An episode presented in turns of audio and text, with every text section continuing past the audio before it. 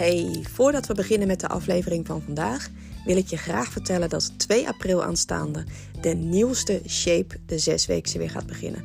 Het is een compleet vernieuwd programma, een vol, boordevol tools om uh, jou extra te helpen om jouw doel te gaan bereiken bovenin de show notes van de podcast, dus niet bij de aflevering, maar helemaal bovenin. Daar vind je de link voor meer informatie of om je in te schrijven. En met de kortingscode APRIL met hoofdletters geschreven ontvang jij alleen bij deze eerste editie 100 euro korting. Ik zie jou heel erg graag in shape.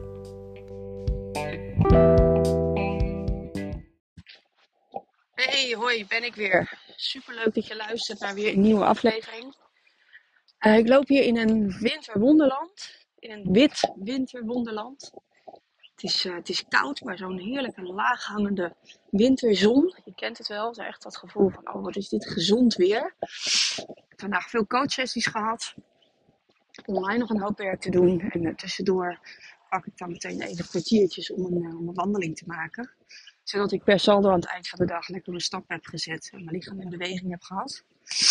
Uh, excuus dat ik zo vaak mijn neus ophaal, maar dat, uh, dat brengt dit weer bij mij met zich mee. Ik ben niet verkouden, maar toch gaat bij mij dan altijd als ik buiten loop.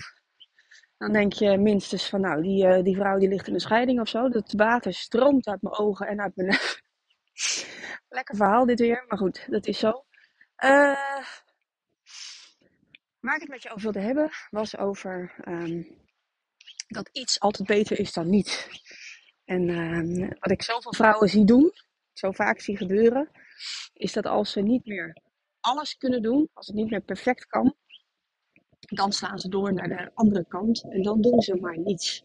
En dat is zo ontzettend zonde, want als je maar iets doet, is het altijd nog beter dan niets.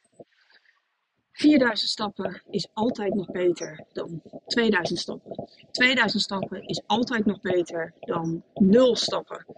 Um, gezonde keuzes maken, maar niet je voeding trekken, is altijd nog beter dan dat je helemaal doorslaat en het helemaal loslaat. En dit is een gevaar als je heel perfectionistisch van aard bent. Dan kun je niet minder dan perfect. En als het dan, niet, als het dan toch iets minder dan perfect is, dan, uh, dan geeft dat een heel erg vervelend gevoel. En dan laat je het vervolgens maar helemaal gaan. Er zit bij jou geen verschil tussen een 9 of een 1. Als het geen 10 is, ja, dan maar helemaal los. En dan is het dus mislukt vandaag. En dan, uh, nou, dan gooi ik het ook gewoon een hele andere kant op. En het hoeft dan niet alleen mislukt vandaag te zijn. Maar dat kan dan ook een hele lange fase uh, gaan duren. En dat is ongelooflijk zonde. En vaak gebeurt dat op het moment dat, uh, ja, dat er iets in ons leven is wat, wat anders is dan anders, waardoor je niet meer in staat bent om die perfectie vol te houden. er is op dit moment uh, in onze coaching is er iemand die een uh, hele vervelende situatie met haar kind meemaakt, een verdrietige situatie. Um, maar daardoor wel alles rondom zelfzorg laat varen onder het mom van ik moet er voor mijn kind zijn. En natuurlijk moet je er op zo'n moment je kind zijn, voor je kind zijn. dat staat buiten kijf. En zelf ook moeder, ik weet hoe het werkt. Je gaat niet op dat moment uh, zeggen van uh, hè, uh, jouw kind ligt hier nu doodziek. maar ik ga even gezellig naar de sportschool. Um, dus natuurlijk heeft op zo'n moment je kind voorrang. Maar dat wil niet zeggen dat je niets kunt doen. Want je kunt altijd iets. En op dat moment je zelfzorg helemaal terug laten gaan naar een 0 of naar een 1 is dood en doodzonde. En bovendien, het dient helemaal niemand en zeker jouw kind niet. Want als je dit doet voor een ander, dan is het juist voor die ander zo ongelooflijk belangrijk dat jij overeind blijft staan. Dat je goed voor jezelf blijft zorgen, omdat je er dus moet zijn voor in dit geval je kind. En vaak zie ik dan dat dat mensen zijn die gaan heel voortvarend van start. He, die gaan met hun voeding aan de slag. En die, uh, die nemen meteen drie of vier keer nemen ze PT in de, in de week in de arm. En dan gaan er helemaal vol, vol in de motivatie maken ze dat soort beslissingen. Het is niet vol te houden en er hoeft maar dit te gebeuren. En die motivatie die verandert in, uh, in een gevoel van laat allemaal maar gaan. En vervolgens gooi je het beltje erbij neer en doe je helemaal niks meer. En het is een logische reactie. Het is ook een logische reactie van het brein. Het is alleen niet een, een reactie waar je naar hoeft te luisteren. En het is zeker niet een reactie die jou gaat dienen. Want het lost het probleem namelijk ook helemaal niet op. Welk gedeelte van zelfzorg laten zitten, lost het probleem op dat jij hebt met jouw kind, of met jouw moeder, of met jouw, uh, weet ik veel, probleem op je relatie. Noem het maar op. Het is onzin. Het is iets wat je jezelf wijs maakt. Uh, ja, ik kan ook niet anders, want er is op dit moment uh, dit en dit en dit aan de hand. En dat is natuurlijk onzin, want je kunt altijd iets. Dus doe in ieder geval iets. Als het om wat voor reden dan ook niet haalbaar meer is voor jou om naar de sportschool te gaan, kun je misschien thuis alsnog wel wat workouts doen.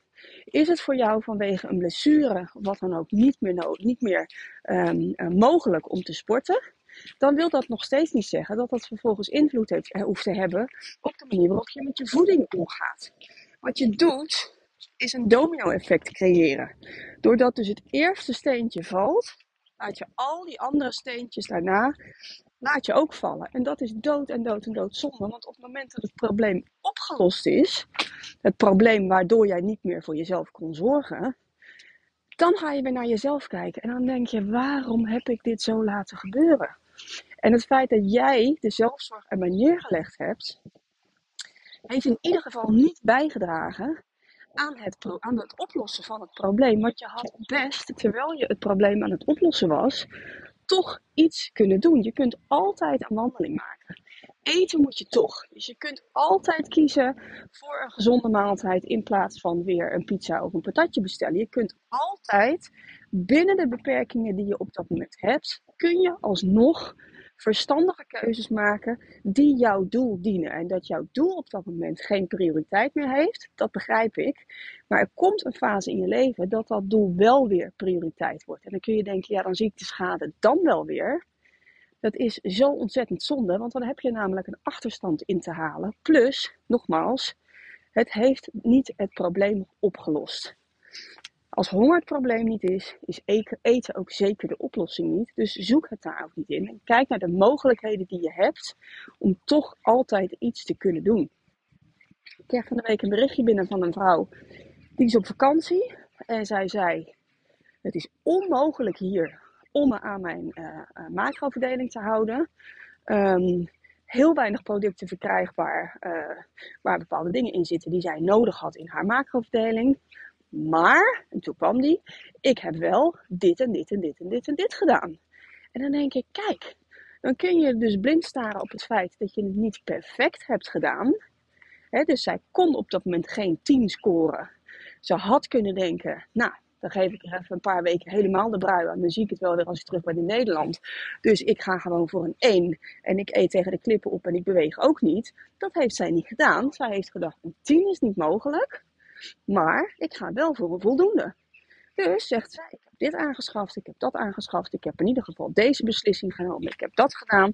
En zo had zij een heel rijtje met allerlei dingen die zij had gedaan, om toch nog enigszins ongeschonden uit de strijd en die vakantie te komen, waarbij zij volop heeft kunnen genieten. Um, zichzelf niks heeft hoeven ontzeggen, geen tien heeft gescoord, maar toch met een tevreden gevoel thuis is gekomen. En dat is denk ik de manier waarop je met dit soort situaties om moet gaan. Kijk altijd naar wat wel kan, in plaats van dat je omdat iets niet kan, dan maar denkt, hé, hey, dan doe ik maar helemaal niks meer uh, en dan zie ik het wel weer. En dit is hè, de, de, levensgevaarlijke alles of niks mindset waar je me al vaker over hebt gehoord. Alles of niks mindset in eten bestaat net zo goed als in gedrag en in mindset. Dit is de alles of niks uh, uh, mindset um, in gedrag. Omdat jij dus denkt van ja, nou ja, het, uh, ja, het kan niet. En het leven ziet er nu even anders uit.